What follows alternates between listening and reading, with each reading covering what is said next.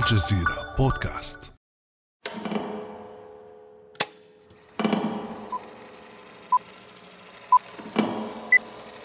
The animal carries a deadly virus.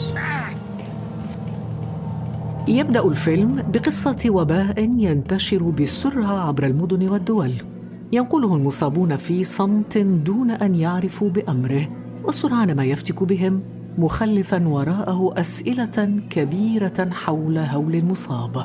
من بين الضحايا سيدة قادمة من هونغ كونغ يتوقف قلبها عن الخفقان. تنقل إلى المستشفى فيقول الطبيب لزوجها. قلت لي أنها عادت من رحلة إلى هونغ كونغ. لذا سألت عن الأوبئة هناك ولم أجد إلا إنفلونزا الخنازير والحصبة وما أصيبت به لا يشبهه.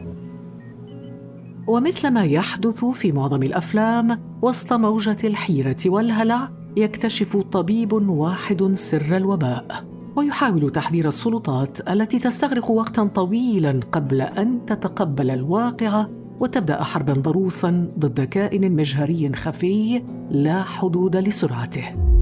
كان هذا المشهد من فيلم العدوى أو Contagion الذي عرضته شبكة نتفليكس ضمن لائحة من 79 فيلماً عن الأوبئة عرفت إقبالاً كبيراً منذ انتشار فيروس كورونا فلماذا يقبل الناس على مشاهدة هذه الأفلام في الحجر المنزلي؟ وما آثارها على الجانب النفسي؟ وهل بالفعل تنبأت السينما منذ سنوات بسيناريو كورونا وهل انتصر الإنسان في السينما على الأوبئة بعد أمس من الجزيرة بودكاست أنا خديجة بن جنه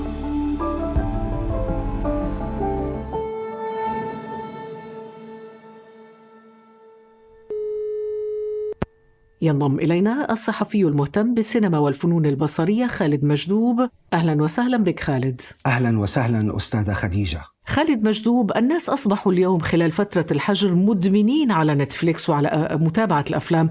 كيف تفسر أنت هذا الإقبال على مشاهدة أفلام الأوبئة؟ الحقيقة أستاذة خديجة بأنه أفلام الكوارث بشكل عام تعتبر كنوع من التنظير السينمائي لفكرة نهاية العالم. وهي تضع الناس في جو نفسي معين. نحن بنسميه بعلم النفس survival mode الناس بيصيروا بيواجهوا هذه السيناريوهات التي تجبرهم على الصراع من أجل البقاء. فلذلك هذه الأفلام تساعد الناس بشكل أو بآخر على تحصين أنفسهم نفسيا في مواجهة كوارث أو سيناريوهات خارجة عن نطاق إرادتهم. خالد هل تقدم هذه الأفلام إجابات تساعد الناس على التكيف مع هذه المرحلة الصعبة وعلى التعايش مع فيروس كورونا؟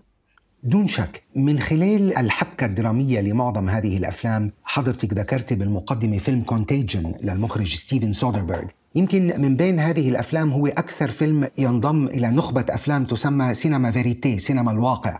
هو كان شديد الواقعية في طريقة معالجة هذا الموضوع ولذلك هو تفرد من بين كل الأفلام وحصل على أعلى نسبة مشاهدة على نتفليكس من وقت ما طلع فيروس كورونا. نعم تساعد هذه الأفلام الجمهور على التكيف مع الأوضاع الاستثنائية، على التكيف مع الأمور الخارجة عن سيطرتهم وتعلمهم إذا بدك سبل الصراع من أجل البقاء، سبل التعاطي مع الأوضاع الاستثنائية إلى حد ما. طب في أفلام معينة خالد تبدو ربما أقرب إلينا وإلى التحديات المرحلة الحالية وإلى سيناريو كورونا الذي يعيشه العالم اليوم؟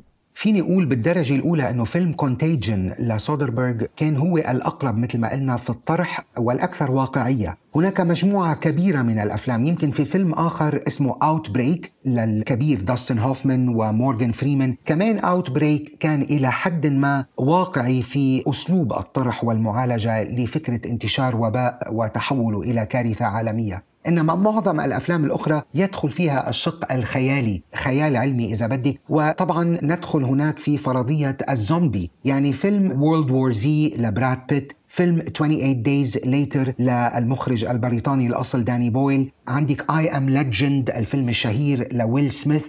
هذه الأفلام طبعا تتحدث عن موضوع انتشار أوبئة وما إلى ذلك ولكن هذه الأوبئة كان لها أثر مختلف إذ حولت معظم البشر إلى zombies أو إلى الأموات الأحياء. ألا يؤدي هذا ربما إلى توظيف سيناريوهات التخويف والتهويل والرعب لدى المشاهد أم أنه لا الهدف هو التحذير والتنبيه إلى خطر هذا الوباء الذي يتحدث عنه الفيلم؟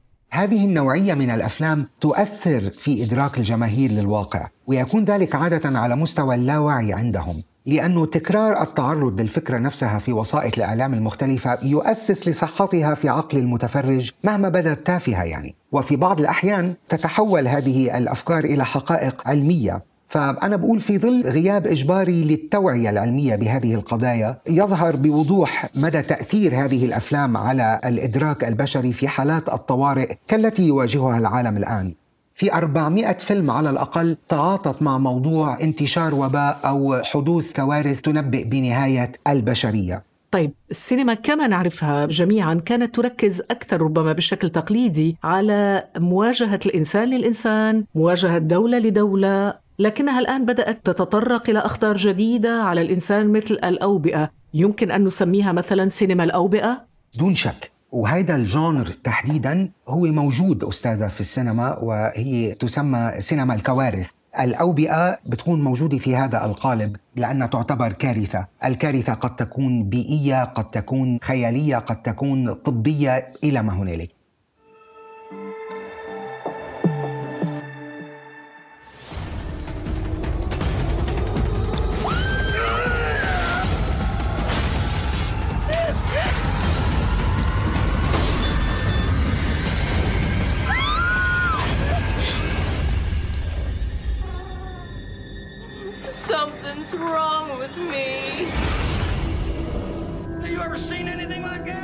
مقابل الخطر المفاجئ ليس من السهل تجاوز الارتباك الاولي قبل الانتقال إلى محاوله التغلب على العدو مثل ما راينا في فيلم Outbreak I know that some of us have doubts about what we're about to do.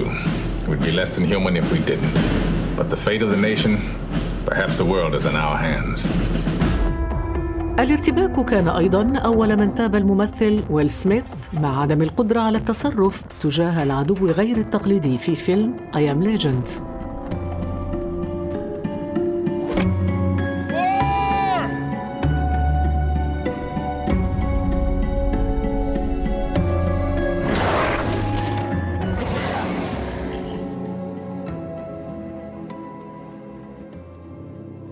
إذا الحيرة مشتركة كأول رد فعل للإنسان تجاه العدو مجهول المصدر، لكن ولأن السينما هي عملية إبداع فقد فكر كتاب السيناريو جيدا في مظاهر الأزمة وتأثيرها على حياة الإنسان وسبقوا الواقع في تغيير صورة البطل الرياضي عريض العضلات القوي المقاتل أو المشاغب. إلى بطل سينمائي من نوع آخر كالطبيب كالعالم. يشبه ما يحدث الآن حقيقة في الواقع. فكيف قدمت السينما اليوم هذا البطل الجديد؟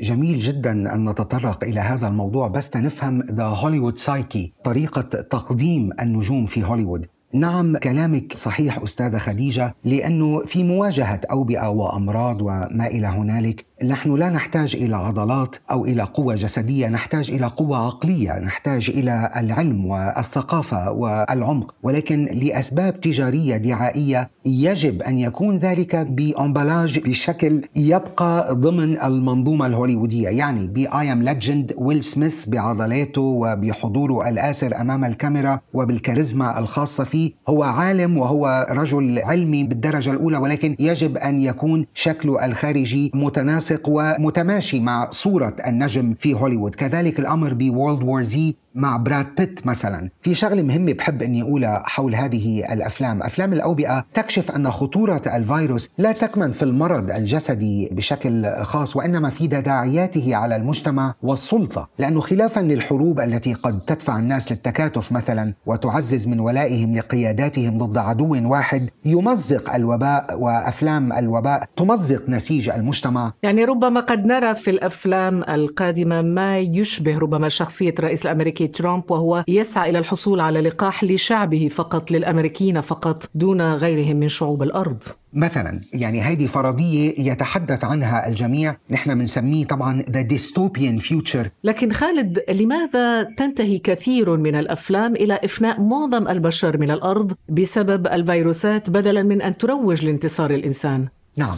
الملفت في الموضوع بأنه هون تعمل السينما بشكل توعوي إلى حد ما أو تنبيهي إلى حد ما وهذا يعود طبعا إلى رؤية صناع السينما أو إلى رؤية السيناريست والمخرج في فيلم معين. الفكرة هي بأنه تنبيه البشر على أنه نحن لا نستطيع أن نواصل الحياة كما نفعلها الآن، نحن نقوم باستنفاذ كل الموارد الطبيعية على الكوكب، نحن نحمل الكوكب الكثير. نعم، خالد مجذوب يعني نحن نتحدث عن معالجات درامية في أفلام عالمية تعتمد على أحداث حقيقية موجودة من الواقع أو من التاريخ أم أنها ربما تستوحي هذه المعالجة من أحداث خيالية ليست واقعية. جميل جدا أستاذة خديجة لأنه هون الخيال إلى حد ما مرتبط بالتاريخ، يعني مثل ما سمعتي حضرتك كثير من العالم بلشوا يحكوا عن موضوع إنه التنبؤ. في الواقع أنه فيروس كورونا المستجد ليس أول وباء يعرفه العالم يعني اوبئه كثيرة عرفتها الإنسانية بسبب فيروسات من قبيل وباء الإنفلونزا الإسبانية مثلا. Spanish flu اللي ضرب العالم عام 1918 وتسبب في موت أكثر من 50 مليون إنسان على الأقل. إذا كانت بعض الأفلام قد لامست اوضاعا تشبه ما نعيشه اليوم فهي أيضا تعكس ما عايشته أجيال سابقة. وهو ما يعني أنه الأفلام لم تتنبأ بشيء هي فقط أعادت صياغة التاريخ اعتمادا على المصادر التاريخية والعلمية. العلمية ويمكن يعني طعمتها بمواقف وقصص درامية متخيلة قد تشبه بالصدفة ما نعيشه الآن أو قد نعيشه مستقبليا. ليس في الأمر معجزة على الإطلاق.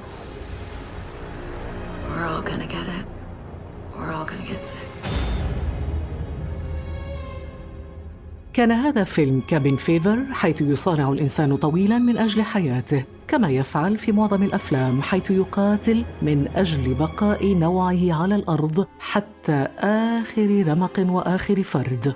فإلى أي مدى بالغت السينما في تصوير آثار بعض الأوبئة؟ وكيف كان حجم فتكها بالإنسان؟ وما آثارها على الحياة الطبيعية؟ حين لا يكون هناك مبالغة يكون الفيلم أقرب إلى فيلم وثائقي لأنه يكون محاكاة فيها مصداقية للواقع، إنما في السينما المبالغة مطلوبة من أجل الحبكة الدرامية، يعني بعطيكي example مثلا بفيلم Contagion هذا الفيروس الوهمي يقتل 26 مليون شخص في جميع أنحاء العالم في غضون شهر واحد، بينما نحن يعني لم يصل عدد الوفيات بسبب كورونا حتى الآن يعني بعتقد صاروا فوق ال ألف بشوي وفي غضون ثلاث أربع أو أربع أشهر. لأنه الفكرة الأصلية هي دائما أنه إظهار أن المجتمع الحديث عرضة لمثل هذه الأمراض وأن أوجه التجابه بين العدوى في الحياة والعدوى في السينما. ولو أنها غير مقصودة إنما هي موجود دائما هذا الخوف أو هذا الإحساس بالهلع. موجود الخوف وأثاره الجانبية موجودة. لذلك لابد من المبالغة كنوع من تنبيه الناس على أنه الأمور قد تخرج عن السيطرة في أي وقت من الأوقات. لكن رغم هذه المبالغة خالد ربما يبقى هناك أمل يتسرب من الشقوق حتى في أكثر الأفلام سوداوية. وهنا يقول الدكتور ترافيس ليتنلي الطبيب النفسي المتخصص في التاثير النفسي للأفلام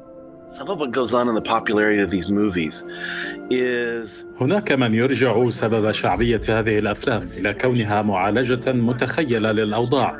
وما الذي سينتهي إليه الأمر لو حدث فعلا؟ هذه القصص تسمح لنا بالتفكير في الأمور بطريقة آمنة. وهناك أمل في أكثر الأفلام سوداوية. خالد هل يبقى فعلا الأمل موجود رغم سوداوية الأفلام؟ طبعا الأفلام الخاصة بالأوبئة.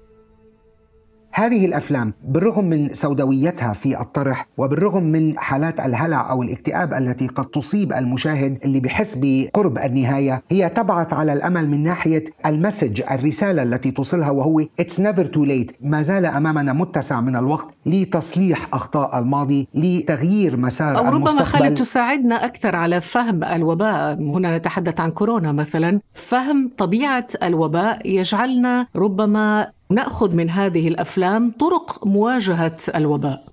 دون شك دون شك هون دور السينما كأداة تثقيفية توعوية مهمة جدا لأنه هي بتقدر إن أن تعرض المشكلة وأن تعرض حلها كذلك. طيب خالد يطرح الآن أمام العالم سؤال حول كيفية توزيع اللقاح إذا وجد. ماذا فعل أبطال الأفلام في وضعيات مثل هذه؟ الحقيقة بأنه بالأفلام السينمائية تخطى الموضوع النواحي السياسية أو الأجندات السياسية وتم التعاطي معه بما في خير البشرية كلها. يعني في فيلم وورلد وور زي مثلا عندما تم اكتشاف اللقاح بدأت الطائرات من حول العالم كله ترمي بالدواء على كل الناس أينما كانوا خصوصا المجتمعات الفقيرة أو الناس المعزولين في أماكن معينة من العالم. لم يتم تسييس اللقاح أو الدواء لأنه هون القصد كان إنقاذ البشرية جمعاء بالرغم من اختلافنا السياسي أو الثقافي أو إلى ما هنالك. هل سيكون الواقع مشابها لهذه النظرة التفاؤلية في السينما؟ نحن نتمنى ذلك طبعا ولكن يعني غصب عنه الإنسان بحس بأنه سوف يتم تسييس هذا اللقاح وسوف يتم تسييس هذا الدواء لصالح دول معينة وجهات معينة ومنظمات معينة لأنه للأسف هكذا يعمل العالم الذي نعيش فيه اليوم. إنما في السينما من أجل مد المشاهد بالتفاؤل ومد المشاهد بالأمل يتم التعاطي مع نشر الوباء بشكل مختلف إلى حد ما. طيب خالد هل يبدو لك صناع السينما اليوم متفائلين أم متشائمين؟ هم متشائمين ومتفائلين بنفس الوقت. هذه الأفلام تظهر الجانبين. الهدف طبعا نهاية معظم الأفلام تكون نهاية إيجابية متفائلة حيث يتم اختراع لقاح ويتم معالجة الموضوع والحد من انتشار الفيروس. لكن هي متشائمة بتركيز وتسليط الضوء على أسباب ظهور هذا الفيروس منذ البداية. طب كيف تتوقع أن تتعامل السينما في السنوات القادمة مع الأوبئة خصوصا أنه يعني حاليا لدينا تجربة حديثة مع هذه الأوبئة على الأرض؟ أتمنى بأنه أن تكون الأفلام المقبلة أو الأفلام المستقبلية أفلام برأيي ستركز أكثر على الجانب التوعوي. ستكون أفلام توعوية تثقيفية ستحاول أن تساعد الإنسان على إدراك مدى أهمية الحفاظ على البيئة على الأرض مدى أهمية أن نتحول بإنتاجاتنا وبصناعتنا إلى ما هو مفيد للأرض وللإنسان معا أي أن نوقف كل الصناعات النفطية نعمل على الطاقة المتجددة نغير من أسلوب حياتنا على هذا الكوكب حتى نستطيع أن نعيد الصحة والحياة نعم يعني سنشهد تحولا في الصناعة السينمائية. يعني هناك العديد من السيناريوهات التي تقول بأن حياة البشر بعد هذا الوباء لن تكون كما كانت في السابق. لابد أن نتغير. There will be a new normal كما يقال العادي الجديد. العادي الجديد يعني سوف نضطر إلى اكتساب عادات اجتماعية جديدة وعادات اقتصادية جديدة وعادات سياسية جديدة. يجب أن يتغير شيء ما في أسلوب حياة البشر. على الأرض حتى نستطيع أن نستمر بشكل أفضل في المستقبل. شكرا جزيلا لك خالد مجدوب. ما شاء الله عليك يعني لفينا معك لفة جميلة حول الصناعة السينمائية في أوقات أو في مراحل الأوبئة وليس هذا بغريب عنك وأنت ابن الممثل الكبير والقدير عبد المجيد مجدوب. شكرا لك. شكرا لك وتحية لوالدك أيضا. يعطيك ألف ألف عافية دائما. الله يعافيك. شكرا خالد. كان هذا بعد أمس.